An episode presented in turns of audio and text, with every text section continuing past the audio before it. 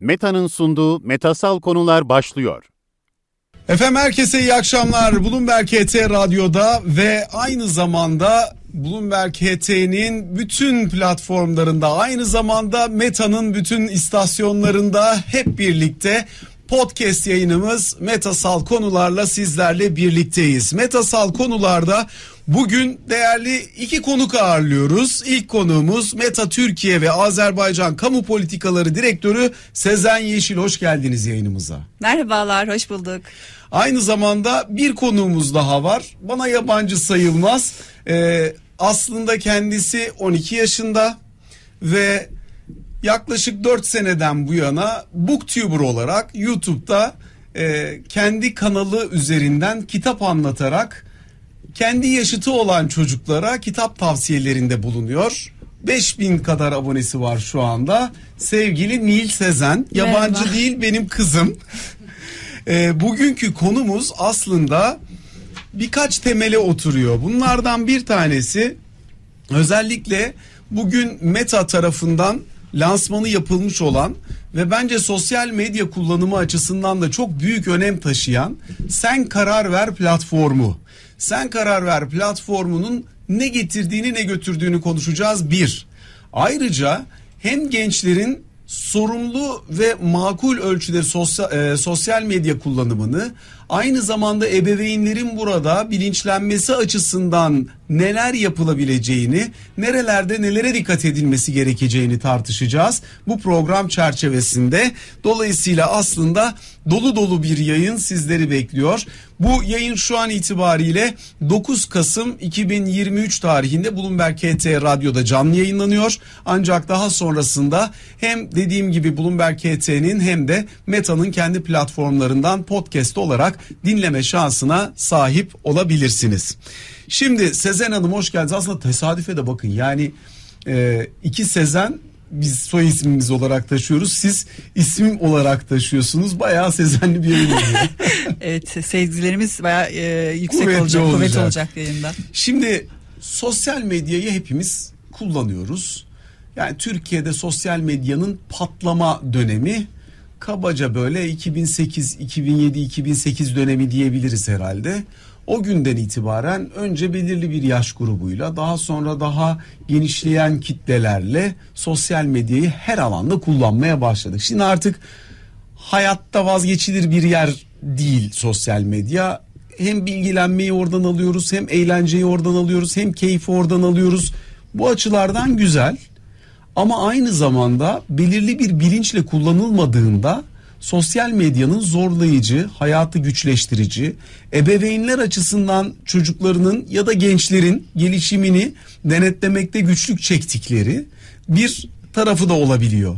Dolayısıyla zannediyorum buradan yola çıkarak sen karar ver platformunu oluşturdunuz ama bugün lansmanını yaptığınız bu platformla ne hedeflediniz? Çok teşekkürler. Ee, günümüzün dijital dünyasında e, sürekli öğrenen kaşifler olmak çok önemli bir beceri. Ee, biz de bu becerileri e, kullanıcılara, ebeveynlere, e, genç çocuklar dediğimiz 13-17 yaş arasındaki çocuklarımıza kazandırmak için çeşitli e, araçlar ve eğitimler tasarladık. E, Aile Merkezi adını verdiğimiz e, bir platform açtık. E, Sen karar ver e, hashtag ile bugün lansmanını yaptığımız projemizde de bu e, aile merkezi altındaki bünyesindeki eğitim içeriklerini ve araçlarını e, topluluklara, kullanıcılarımıza anlatabilmek, farkındalık oluşturabilmek, e, onların bu araçlarla ilgili ihtiyaç duyabildik, e, duyabildikleri e, becerileri onlara sunmak istiyoruz. Amacımız e, bu. E, bu araçlar nedir diye ayrıntısına girelim Girelim isterseniz. çünkü aslında şimdi aile merkezi dediğinizde tam olarak anlaşılamayabiliyor. Evet. Ne kapsamı e, bu platformun? Biraz onun üzerinden tabii. konuşmak lazım. Çünkü dediğim gibi ne gençlerin bunu kendilerini dizginleyecek bir şeymiş gibi algılaması lazım. Evet, ne doğru. ebeveynlerin hakikaten buradaki kontrol mekanizmasını ben çocukların üzerinde istediğim gibi kurarım diyerek hükümranlık alanına dönüşmesi lazım. Karşılıklı anlayış içinde burayı sağlıklı yürütecek bir yapı e, ihtiyacı var. Nasıl kurguladınız onu? Tabii ki e, çok haklısınız. E, gözetim e, kelimesi gözetlemeyi belki çağrıştırdığı için e, genç çocuklarımızın çok hoşuna gitmeyecek gibi olabiliyor ya da aileler sahip olmadıkları bazı e, e, gözetim e, kabiliyetlerine sahip olduklarını düşünebilirler. O yüzden nedir ne değildir biraz ayrıntıya girmek istiyorum müsaadenizle. E, şimdi öncelikle e, bu Instagram'da e, araçlar e, ay- ayarlar bölümüne gittiğinizde aileler için olan kısmın altında gözetim adlı bir fonksiyon ekledik. E, bu fonksiyonu kullanılabilmesi için hem e, ebeveynin hem de çocuğun çocuk derken genç çocuk 13 yaş ve e, 17 yaş arasını kastediyoruz 18 yaşını bitirmemiş kişilerin bir Instagram hesabı olması gerekiyor. Daha sonra ebeveyn bu gözetim fonksiyonuna tıkladığında orada kendisine bir menü açılıyor ve çocuğunun hesabını birbirlerini takip ediyorlarsa eğer hesabını ekleyebiliyor. Takip etmiyorlarsa bir e, davet linki oluşturabiliyor ve çocuğuna iletiyor e, bu linki ya da daveti. Daha sonra çocuğu Instagram'a girdiğinde bu daveti görüyor, gözetim talebini görüyor kendi ebeveyni tarafından. Çocuğun onaylaması gerekiyor. Onayladığı andan itibaren de bu gözetim fonksiyonu kullanıma açılmış oluyor. Yani E, çocuğun rızası da olmak Çocuğun zorunda. rızası evet kesinlikle iki tarafın da rızası olması gerekiyor. Aynı şekilde iki tarafta e, bunu sonlandırma yetkisine sahip. Yani çocuğun bu işten e, artık e, hoşlanmadığını hissettiği noktada gözetimi sonlandırma e, hakkı da var ya da ebeveyn için de geçerli bu. E, aslında amacımız e, ebeveynlere e, çocuklarının Instagram kullanımıyla ilgili rehberlik edebilmelerini kolaylaştırıcı araçlar sağlamak. E, gözetim altında e, peki neler görebiliyor e, anne baba? E, çocuğunun e, ekran süresini ayarlayabiliyor öncelikle. Yani bir gün içerisinde e, kaç saat süreyle Instagram e, kullanabilir onu tanımlama hakkına sahip. E, mesela çeşitli seçenekler var. 45 dakika, 1 saat, 2 saat gibi. E, benim de 15-12 yaşında iki tane kızım var. Onlar da bu araçları etkinleştirmeye çalıştığımızda e, büyük kızıma dedim işte o zaman sana e, günde bir saat Instagram kullanım hakkı veriyorum tamam mı dedim. E, o da tabii e, anne bir saat kime yetsin ya dedi. E, ama e, Instagram'ın bu özelliğine baktığımızda istatistik son 7 günde kullanma istatistiklerini görüyoruz. Baktık ki aslında ortalaması da zaten 1 saat işte 5 dakika gibi bir ortalaması var. Yani çok itiraz edeceği kadar da kullanmıyor aslında. Ama yine de e, gönlü olsun diye dedim ki o zaman hafta sonları 2 saate çıkaralım tamam mıdır dedim. Ona da makul geldi tamam dedi hafta içi zaten okul ders ödevler vesaire. E, dolayısıyla böyle bir anlaşma sağladık. E, dediğim gibi günlük limit koyabiliyorsunuz. Sonra saat aralığı belirleyebiliyorsunuz. E, çocukların okul döneminden erken yatmalarını teşvik ediyoruz. Mesela akşam 10'dan sonra kullanamasın. Sabah 7'den itibaren kullanabilsin. Gece hani uykusu bölünmesin diye. O saatler arasında kullanımını Yani yasaklayabiliyoruz. gece yattıktan sonra çaktırmadan yorganın altında kullanmasın falan diye Kesinlikle değil mi? evet Ee, bu araçta bunu hedefliyoruz Ee, aralar koyabiliyoruz bazen hani bunu büyükler de yapabiliyor çocuklar da e, içinde sorun olabiliyor bazen kaptır hipnotize olmuş gibi böyle e, dakikalarca e, hikayelerde kaybolduğumuzu hissedebiliyoruz program e, bir aralık koyduğunuzda ara ver e, ayarını açtığınızda baktığınızda Diyelim ki 30 dakikada bir bana haber verdiğinizde 30 dakika sonra diyor ki "E, yeter yeter artık birazcık ara mı versen bir dolaş gel hadi diye bir program sana kendini kapatıyor ve e, uyarı gönderiyor. Bu da çok güzel bir özellik. İnsan çünkü büyükler bile yapıyor bunu. Yani. Farkında olmadan evet saati unutabiliyorsunuz. Sa- saati hatırlatıyor bu şekilde. E, daha sonra anne babalar e, çocuğunun e, genç çocuğunun diyoruz. Ergen demiyoruz. Kızıyorlar galiba değil mi Nilce? Yani bazen. Diyebilir miyiz ergen genç çocukların? E, takipçileri kim? Onları görebiliyor. E, onlar o kimleri takip ediyor? Çocuğunuz kimleri takip ediyor? Onları görebiliyor. Hesabının çocuğunun hesap e, gizlilik ayarlarını görebiliyor. Hassas içerik ayarlarını görebiliyor. Yani ne derecede bir hassasiyet e, ayarı var onu görebiliyor. Ne demek hassas içerik ayarı? Az bazı içerikler e, şimdi biz e, platformlarımızda yani Facebook'a, Instagram'da bazı içeriklere izin vermiyoruz. İşte bu nedir? Şiddet içeren şeyler olabilir. İşte intihara teşebbüsle ilgili içerikler olabilir. E, ne bileyim e, ya uygun olmayan zararlı içerikler diyelim. Bunlara izin Ya da vermiyoruz. Bir de- cinsellik içeren şeyler olabilir. Mesela başka evet şeyler çok olabilir. farklı evet kategoriler var. Ee, bir de bazı içerikler var ki e, ihlal etmiyor. Yani aslında bir suç ya da zararlı kategorisine sokamıyoruz ama öte yandan da bazı hassasiyet içerebiliyor bazı kişiler için. Ee, Ya o- inanç hürriyetini engelleyebiliyor ya da farklı şeyler olabiliyor. Hani Evet. zararlı olabilecek ya da hoş durmayan içerik diyelim belki öyle mi? Ya da hastanede mesela hani bir iyileşme görüntüsü var. Ba- Bazıları hassas bulabiliyor onu. Hani görünce çok iyi hissetmiyor kendini vesaire gibi. Ee, bu içerikleri bu çocuk bu yaş grubundaki çocuklara biz hassas içerik e, etiketiyle çıkarıyor. Göremesinler diye e, blur e, nedir karlayarak Evet. gösteriyoruz. Böyle içerikler var. E, burada ayarlar çocuklara göre standart ya da daha az hassas içerik görsün gibi çeşitli ayarlar var orada. Onu e, ayarlayabiliyoruz. E, bu e, ayar şey araç üzerinden. Sonra mesajlaşma grubuna kimler dahil edebilir çocuğumuzu? Bunu görebiliyoruz. E, kimler ona DM'den e, affedersiniz yürüyebilir yürüyebilir demeyelim öyle demeyelim de. kimler ona DM'den yazabilir? Ya bu kimler DM, yazamaz? DM? Yani aslında birebir mesajlaşma da bu şey olduğu için. Neden DM Ya? DM'den yürüme muhabbeti çok büyüdüğü için hani öyle bir kötü şöhreti oldu yani. Aslında her yerden yürümek Yürüme isteyen yürümek yürür isteyene yani. yollar açık yani değil mi? Aynen. Yürümekle yollar aşılmaz. Kesinlikle aynen öyle. Doğru söylüyorsunuz. Bunları görebiliyorsunuz. Peki neleri göremiyorsunuz? Göremiyor, görmeniz yasak anne babanın Ee, bu ayar açık olduğunda. Mesajlarını göremiyorsunuz. Yani kiminle yazışmış, ne yazışmış içeriğini göremiyorsunuz. Hesabını silemiyorsunuz. Şifresini değiştiremiyorsunuz. Ee, takipleşmiyorsanız eğer onun yaptığı yorumları, paylaşımlarını, e, beğenmelerini göremiyorsunuz. Yaptığı yorumları görebiliyor muyum? Onu da göremiyorsunuz. Yani Normalde göre ya takipleşiyorsam hesabı şeyse takipleşirseniz hani sıradan karşılıklı tabii görebilirsiniz. Orada sıkıntı yok. Bazen çünkü takipçi olarak kabul etmiyor çocuklarınız size böyle durumlar var. Ee, Siz yaşamadığınız için belki bilmiyorsunuzdur ama olabiliyor. Ee, Yol ve gösteriyorsunuz şu an. şaka Evet. şaka. Bizim öyle sıkıntımız hiç yok. Hakikaten güzel yok yani. bravo bu e, diyalog e, güzel E, bunu korumaya korumak lazım. E, 18 yaşı bitince de bu gözetim kendiliğinden sona erebiliyor. 18 yaşından önce çocuk kendisi e, isteğiyle de dediğim gibi sonlandırabiliyor. Dolayısıyla çocuklarımızın mahremiyetine aslında saygı duyuyoruz. E, Onların e, özel hayatına karışmıyoruz. Ama ne yapıyoruz? Gözetim kelimesini hani belki e, ben de çok kişisel olarak çok beğenmedim. İngilizceden supervision'dan çevirmişler. Göz kulak olmak aslında. Yani e, sahip çıkmak, onu tehlikelerden korumak için rehberlik etmek. Aslında bu fonksiyonun amacı bu. Hani dediğim gibi özeline karışmıyoruz. E, çocuğun rızası olmayan hiçbir şey yapmıyoruz. Karşılıklı iletişim e, kurarak e, saatlerde olsun hani başka ayarlarda olsun bir ortak anlaşmaya varıyoruz. Pazarlıklar sonucu e, bir orta yol buluyoruz aslında. Araçlar dediğim gibi bunu kolaylaştırmak üzerine e, tasarlanmış. Peki ebeveynlerin ne kadar gerçekten çocuklarının sosyal medya kullanımı üzerinde bir noktada takip etmesi gerekliliğinin farkında?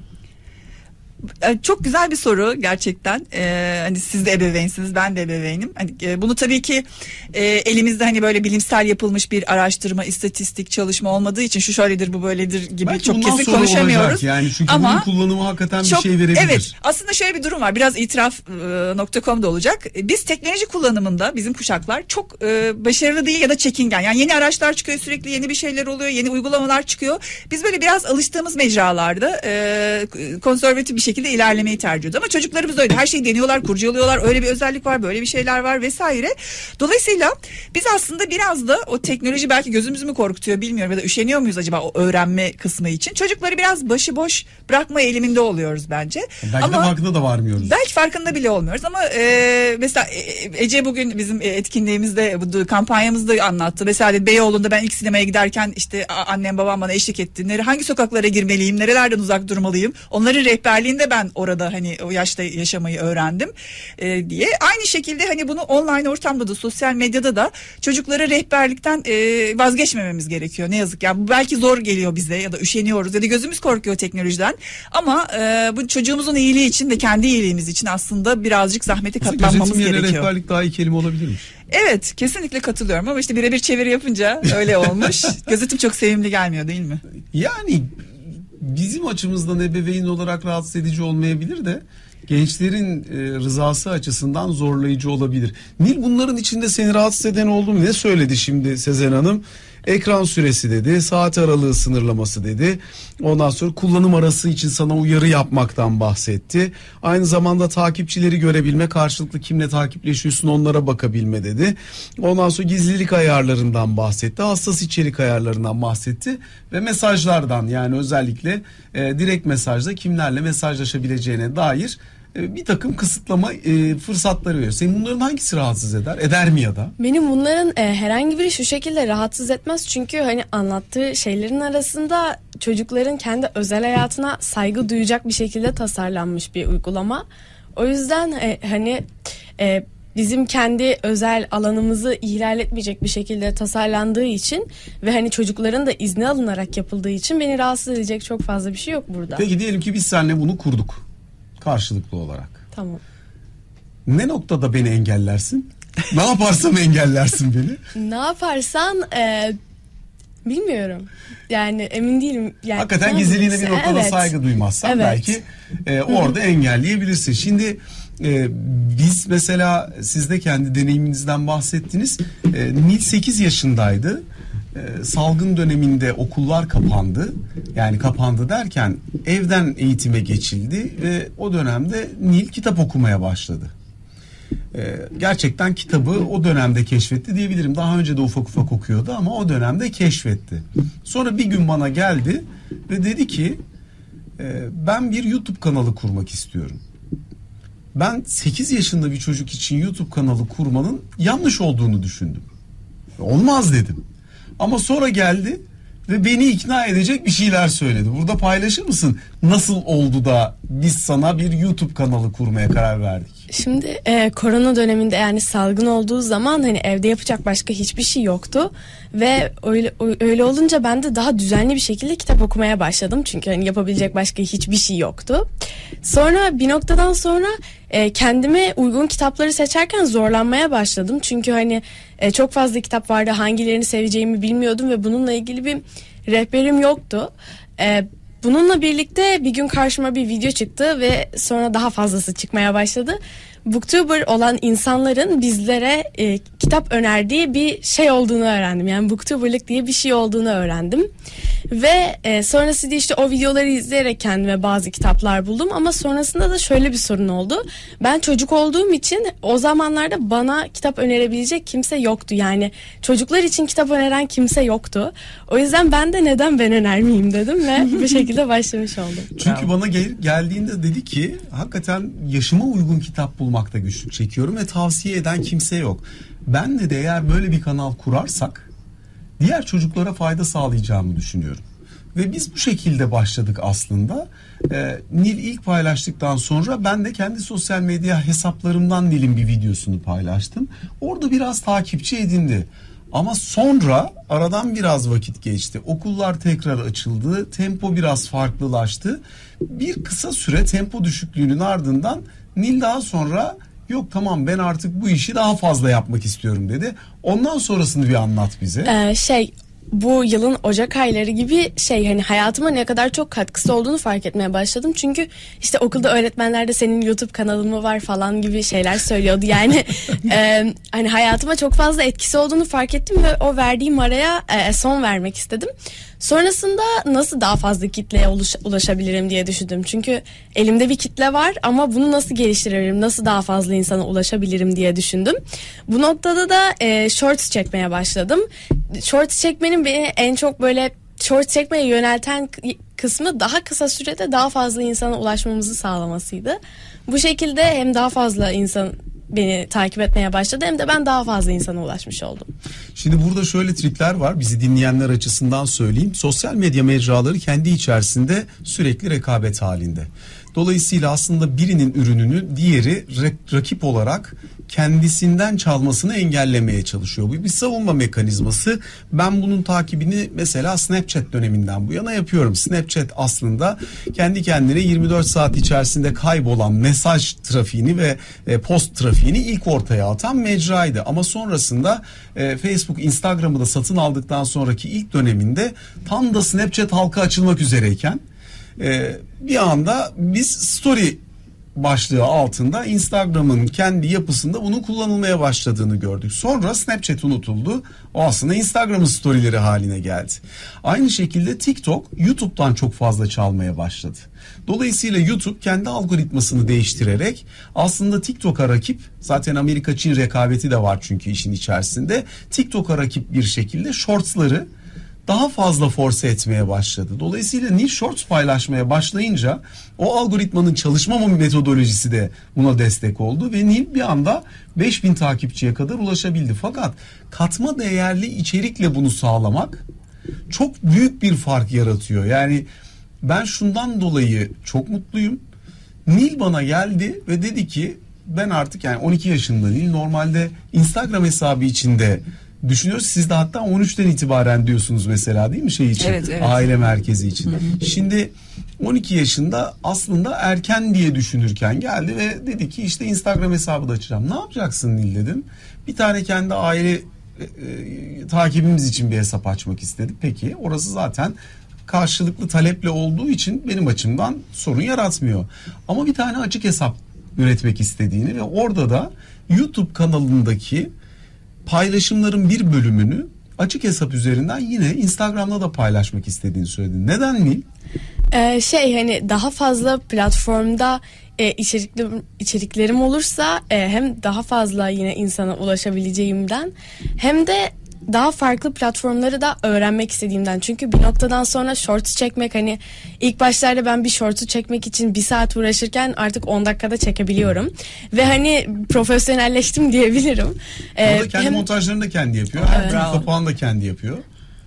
Ee, hem de o yüzden de farklı platformları da kullanmayı öğrenmek istedim. Oralarda de yayın evlerinden bahsediyordun. Evet e, bazı yayın evleri daha çok hani çok YouTube üzerinden ilerlemiyorlar. Hani işte PR listeleri falan gibi şeylerde.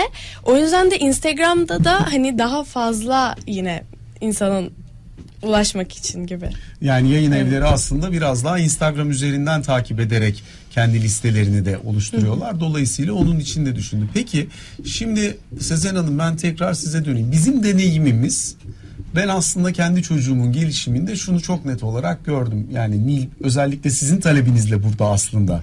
Ee, Çok ve- sevindik. Teşekkür ederiz kabul ettiği için. Dolayısıyla hani bizim isteğimizle ya da şey değil sizden geldiği için Nil burada. Ee, ama biz kendi deneyimimizde ebeveyn olarak kendi e, kolaçan etme vazifemizi yerine getirebileceğimiz, gözlemimizi yapabileceğimiz, Nil'in de sorumluluk duygusu yüksektir. Her çocukta bu bu şekilde olmayabilir ama Çok Nil'de çok yüksektir sorumluluk duygusu. Dolayısıyla ben dönüp kontrol etme ihtiyacı dahi hissetmedim. Bir günle bir gün Nil'in e, buradaki faaliyetini. Ve bugüne kadar da hiç bizi e, hani Hayal hiç mahcup uğratmadı. etmedi, hayal Ne kırıklığına uğratmadı. E, inşallah böyle devam eder. Buralarda benim deneyimim kuvvetli. Ben Nil'in kendine güveninin çok arttığını gördüğüm zaman içerisinde kendini ifade etme yeteneğinin çok kuvvetlendiğini burada siz de fark ediyor olmalısınız. Kendini anlatırken ki konuşma e, yetkinliğinin böyle gelişti ama. Dolayısıyla sosyal medya şu anda ebeveynlerin bir bölümü tarafından korkulan ve kaçılan çocuklara karşı çok baskı altında tutturulmaya çalışılan bir platformlar silsilesine dönüştü. Hep zararından bahsediliyor. Ben faydasını gördüğüm için aslında burada bunu paylaşıyorum. Ama demiyorum ki sosyal medya muhteşem bir şeydir, kontrolsüz herkes istediğini yapmalıdır falan. Benim örneğim böyle gelişti. Sizler de ebeveyn olarak hepiniz kendi deneyiminizi doğru yöntemle, doğru yolla üleştirerek geliştirebilirsiniz. Siz peki bu anlamda hem kullanılan filtrelerle hem yapılan desteklerle e, ebeveynle genç arasında da çatışmaya e, yer bırakmadan bunun nasıl yönetilmesi gerektiğini düşünürsünüz? Ee, yani her şeyin başı diyalog, e, açık diyalog, güven ilişkisi. Çocuğunuzun size her şeyi söyleyebileceğini hissetmesi gerekiyor. E, sosyal medya özelinde ise e, sorgulamayı ben öğretmeye çalışıyorum. Yani her şeye şüpheci yaklaşmalarını öğretmeye çalışıyorum. Mesela kızım geliyor işte e, pirinç suyuyla ne bileyim elma suyunu karıştırıp sürünce bütün sivilcelerin geçiyormuş ertesi güne falan diyor. Mesela bir şey görmüş orada Instagram'da bir paylaşım görmüş diyelim ki. Diyorum ki evladım ya böyle bir şey olsa bunu icat eden şu an milyoner olmuştu. Öyle bir şey olamaz. Hani bir dur bir dakika düşün bir sorgu acaba doğru mu diye bir sorgula vesaire. Zaman içinde böyle e, karşılıklı e, hadi tartışmalarımız da oluyor, sohbetlerimiz de oluyor. Aynı şekilde e, ben de e, doğru yönlendirildiğinde çok faydalı olduğuna inanıyorum. Kontrollü ve doğru e, bir şekilde yönetildiğinde. E, Mesela şeyi fark ediyorum. E, çocuklar politik anlamda yaşlarına göre e, çok bilinçliler. Her şeyin içindeler. Yani mesela voleybol e, oynuyorlar ikisi de. E, işte voleybol milli takımımızı işte e, e, Filenin Sultanları'yla çok gurur duyuyoruz. Onları takip ediyoruz Instagram'da oradan e, ne denir? Inspire E, affedersiniz e, nedir? İlham alıyorlar. İlham. İlham, alıp ilham alıyorlar sporculardan. Biz de böyle başarılı olmak istiyoruz diyorlar. İşte oradaki Ebrar üstünden yapılan e, tartışmalarda insan hakları ile ilgili LGBTQ rights e, hakları ile ilgili e, farklı görüşleri olabiliyor.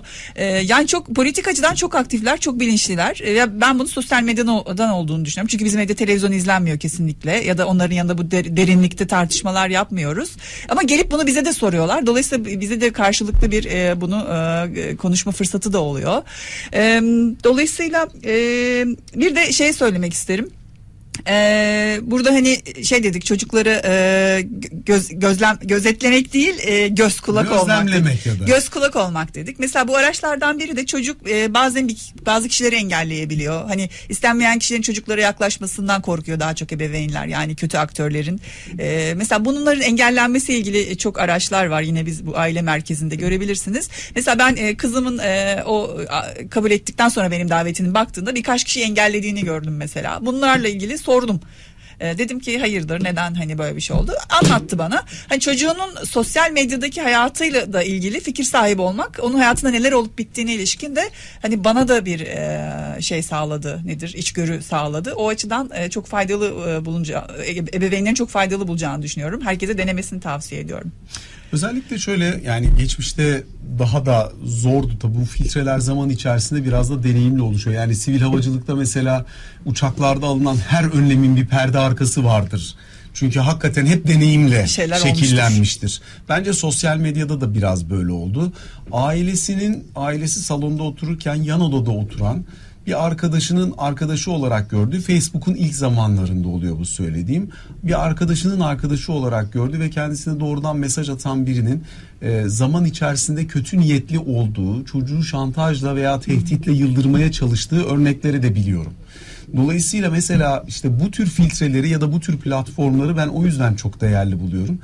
Gençler ya da çocuklar her zaman e, ne kadar iyi niyetli olurlarsa olsunlar e, karşılarındakinin iyi niyetini bir noktada sorgulamayı öğrenmeliler. O yüzden söylediğinizi ben çok değerli buldum. Şüpheyle yaklaşmayı öğretmek bence en önemli alanlardan bir tanesi.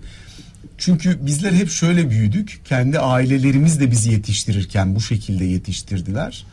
Ya evladım tanımadığın biriyle arkadaşlık ya- yapma. Hani ya ailenden olsun ya mahalleden yakın çevrenden ailesini tanımadığın biriyle arkadaşlık kurma. Küçüklükte bu böyleydi ya da okuldan tanımadığın biriyle arkadaşlık yapma. Şimdi sosyal medya alanı öyle bir açıyor ki ve bu söylediğim biraz önceki örnekte Almanya'dan kötü niyetli birinin buradaki ortaokul lise dönemindeki kızları şantajla e, farklı farklı şeyler yapmaya zorladı. Daha sonra kriminal olarak bunun takibi de yapıldı vesaire ama Almanya'da olduğu için bir şey yapılamadı örneğin. Dolayısıyla böyle tehditler bile olabiliyor. Bu çok uç bir örnek. O yüzden ebeveynlerin farkındalığını biraz daha artırabilmek adına anlatıyorum bu örneği. Bu uç örnekler de var. O yüzden kullanmak lazım bunları. Yani bu tür filtreleri, bu tür programları ama yapma demek bence çözmüyor. Sizce çözüyor mu? Ee, biz şey Ya diyoruz. bunu yapamazsın. Doğru çözüm olmayabiliyor. Kurallar değil araçlar diyoruz biz biz e, aslında kampanyamızın bir noktasında. Dolayısıyla e, kural dediğiniz gibi yapma yapma bazen ters de tepebiliyor.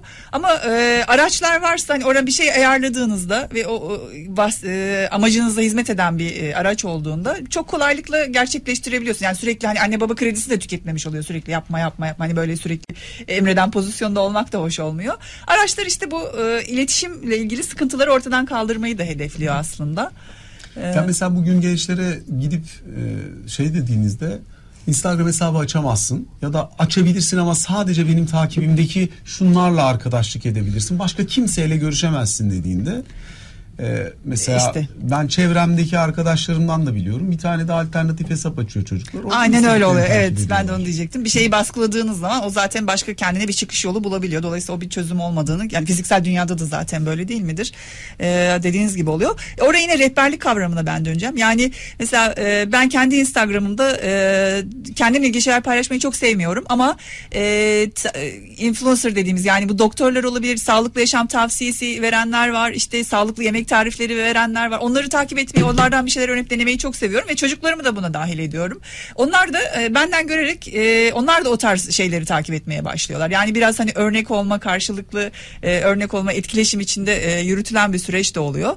E, dolayısıyla e, biraz hani çocuğumuza yapma etme derken bir de dönüp kendimize de bir bakmalıyız diye düşünüyorum. Yani biz ne yapıyoruz da acaba ona bir şey söyleme hakkımız var mı diye bir e, sorgulamak iyi Nil olur. sen kendi çevrendeki arkadaşlarının veya kendi yaş grubunu gözlemlediğinde mesela ne görüyorsun? Onların sosyal medya kullanımlarında nelere dikkat ettiklerini ya da nelere dikkat etmediklerine şahit oluyorsun? Ee, yani sosyal medya kullanımlarında hani herkes kendi ilgi alanına uygun insanları takip ediyor zaten.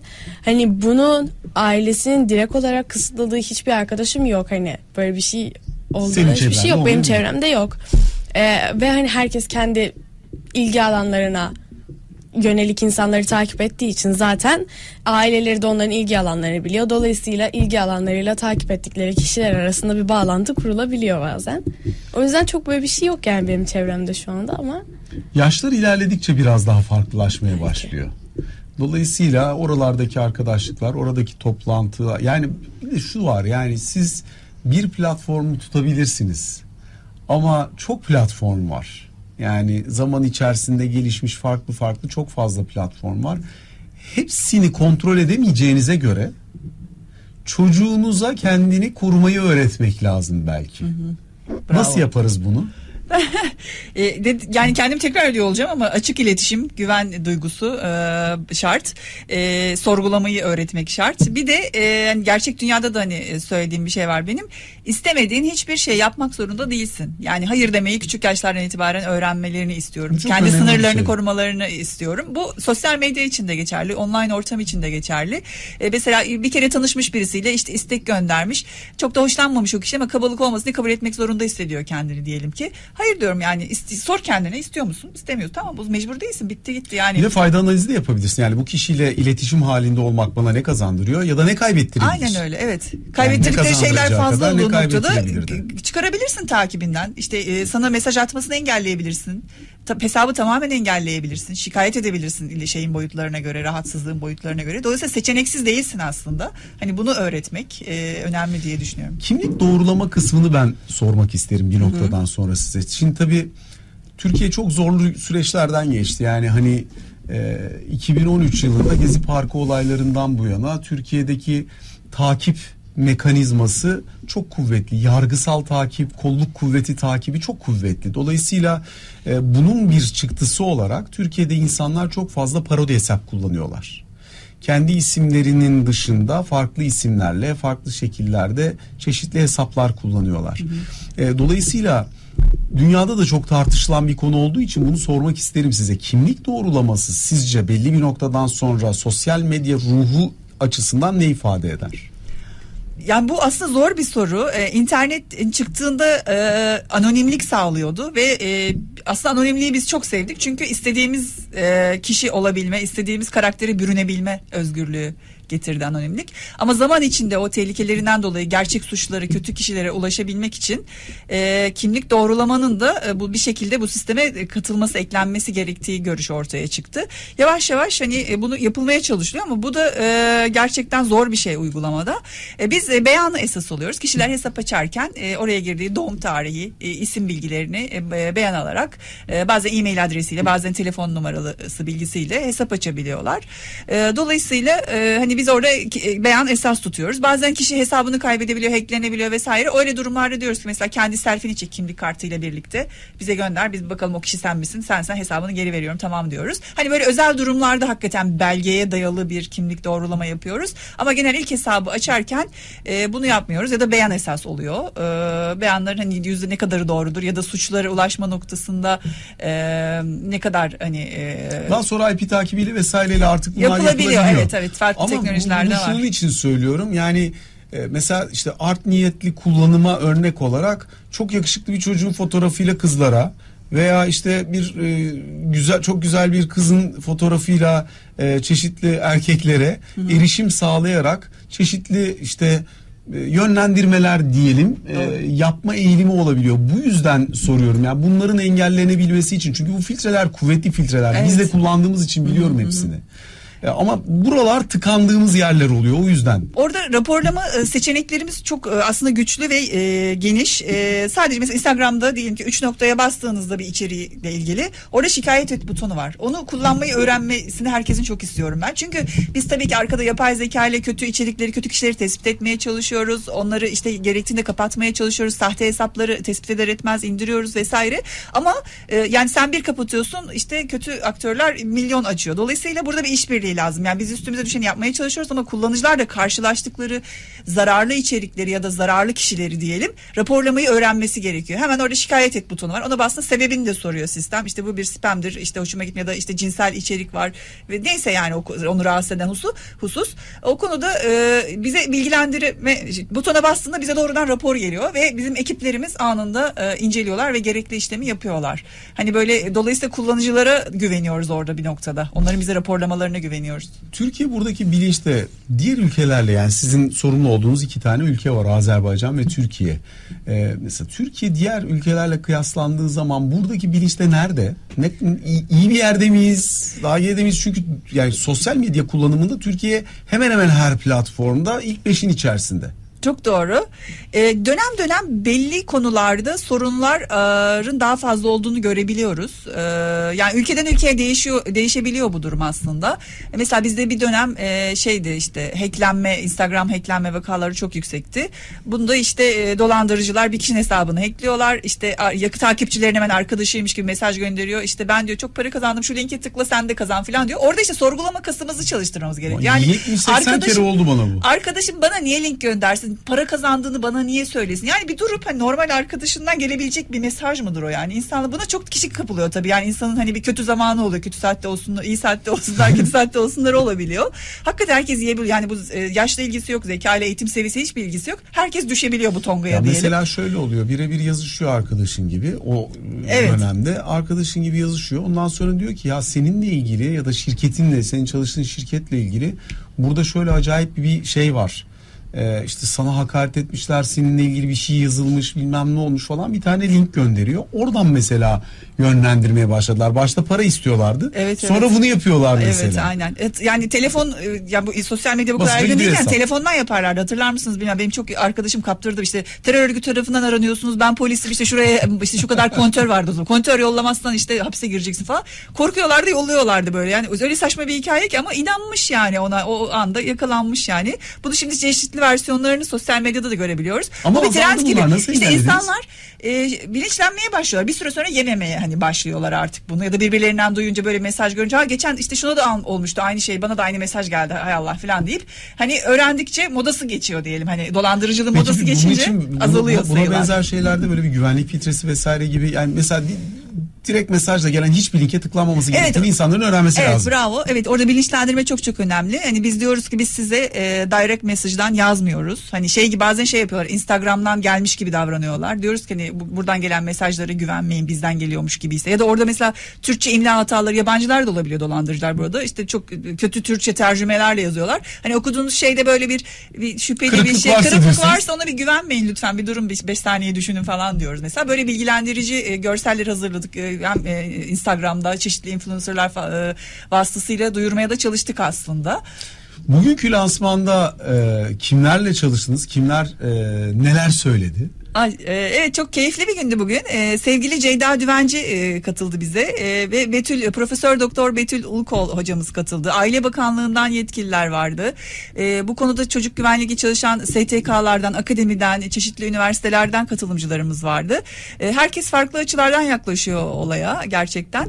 E, Ceyda Düvenci'yi e, anne kişiliğiyle ve sosyal medyada aslında e, Instagram'da 3 milyondan fazla takipçisi var. Bir influencer e, kişiliği kimliğiyle de dinleme şansımız oldu. E, gerçekten e, çocuklarıyla nasıl iletişim kurduğunu, çocuklarıyla e, yaptığı paylaşımlarda nelere dikkat ettiğini anlattı bize. E, bu yeni araçlarla ilgili fikirlerini aldık kendisinin. E, o da bu ara ver özelliğini çok beğendiğini bahsetti ya da süre koymayla ilgili hususları. Böyle çok keyifli sohbetler oldu. Sanıyorum yayınlıyoruz onları değil mi? İnsanlara izlemelerini tavsiye ediyorum. Nil Instagram'da ne olsa giderdi? Ne olsa hoşuma giderdi. Ee, Yani ne gibi özellikler, ne gibi fonksiyonlar? İleride mesela nasıl bir sosyal medya mecrası e, kullanıcısı olarak nasıl bir serüven deneyimlemeyi istersin? e, yani Mesela şey, çok takipçi mi yoksa etkin takipçi mi? Bence etkin takipçi bir noktada daha önemli bir hale geliyor. Çünkü e, insanların işte sizinle konuştuğunu bilmek, hani işte videolarınıza yorum atması, e, hani sizin ilgilendiğiniz şeyle ilgilenen insanların olduğunu bilmek bir noktadan sonra daha önemli bir hale geliyor. Yoksa hani yani, 500 bin evet. takipçin olsun ama etkileşimin düşük olsun yerine Evet. sana doğru şekilde geri dönüş sağlayan 5000 takipçi daha değerli olabilir belki. Evet daha iyi hissettiriyor. Hani in- yaptığım şeyin insanlara ulaştığını biliyorum. Ulaştığını fark etmiş oluyorum. O yüzden daha önemli bence. Fayda sağlamak mesela çok önemli ya biraz önce konuştuğumuz şeyler arasında. Ee, ben dedim ki kendine güvenini arttırdı. Başka ne gibi faydasını gördüm mesela? Ee, şey daha fazla şeyi keşfetmeye başladım. Mesela Türkiye'de çok fazla hani shorts alanında kitap içeriği çeken insan yoktu. Hani ya- yabancılar daha fazla daha erken çekmeye başladılar. Ve hani o noktada ben daha işte İngilizler, Amerika falan öyle e, kitap kanallarına da yönelmeye başladım. O yüzden bu noktada hani farklı insanları sadece Türkçe içerik diye bir şey olmadığını, farklı dillerde de içerikler izleyebileceğimi fark ettim. Yani ba- başka şeyler keşfettim. Böyle bir yarar İnsan oldu. aramayı öğreniyor bir yerden Evet. sonra mesela. Bu da çok fark ettiriyor. Ee, çünkü hani e, bir şeyi yapmak için gerçekten doğru yere gitmek ve doğru şeyi aramak çok değerli ya. Benim mesleğim zaten bunun üzerine kurulu. Bilgiyi nerede bulacağını ya da sunulacak materyale ne aracılıkla ulaşacağını bilmek. Bunu ne kadar rahat bulabilirseniz o kadar fazla veriye sahip oluyorsunuz ve eğer zekanız analitikse birleştirip anlatabiliyorsunuz. Benim mesela Nil'de keşfettiğim en önemli özelliklerden bir tanesi o oldu. Bunu çok geliştirdiğini düşünüyorum ben kendi adıma. Ne dersin? Ee, yani zaman içinde bir noktada gelişti. Ee, farklı platformlara bakmayı da aslında Instagram'ı kullanmak istememin sebeplerinden biri de buydu. Hani farklı platformlarda böyle şeylerin nasıl işlediğine de bakmak istiyordum aslında. O yüzden yani evet. Zaman içerisinde evet zaman böyle içinde oldu. evet. Peki şimdi sürenin artık sonuna geldik. Nasıl geçti? Güzeldi. Güzel Keyifli. değil mi? Keyifli değil mi? Şimdi tabii bir radyo, iki podcast ve aslında dediğimiz gibi tam da amacına uygun insanlara fayda sağlamak üzerine kurguladığımız bir program oldu. O yüzden ben kendi adıma çok keyif aldım. Ne güzel. Hem katılımınız için çok teşekkür ediyorum size. Nisan'a da çok teşekkür ediyorum. Ne demek? Yani benim açımdan seni dinlemek de ilginç bir deneyim oldu. Bizim daha önce birkaç kere Nil'i çok küçükken bu stüdyoda yayına katmışlığımız var. Öyle mi? Evet. yani tecrübeli. Ama, ama küçük küçük böyle hani e, Isındıra ısındıra. gerçekten bilinçli olarak ilk yayını. O yüzden siz davet ettiniz. Bu kuşağı birlikte yapıyoruz biz sizinle podcast'i. Onun için çok teşekkür ediyorum. Biz teşekkür ederiz kabul edip geldiği için hem e, Nil'e hem size. Çok keyifliydi. Ben de teşekkür Yani ben ederim. kendi adıma benim açımdan unutmayacağım bir deneyim oldu. Eminim Nil açısından da Evet. öyle olmuştur. İleride çocuklarına anlatabilir. Ben 12 yaşında ilk canlı yayınıma katıldım. Evet, Hem de. Meta gibi Güzel bir, bir anı. şirketle birlikte diye. Ne güzel. O yüzden çok teşekkür ediyoruz. olmak çok güzel. Evet efendim e, metasal konuların bugün için sonuna gelmiş olduk. Kendinize çok iyi bakın. Hoşçakalın. Meta'nın sunduğu Metasal konular bitiyor.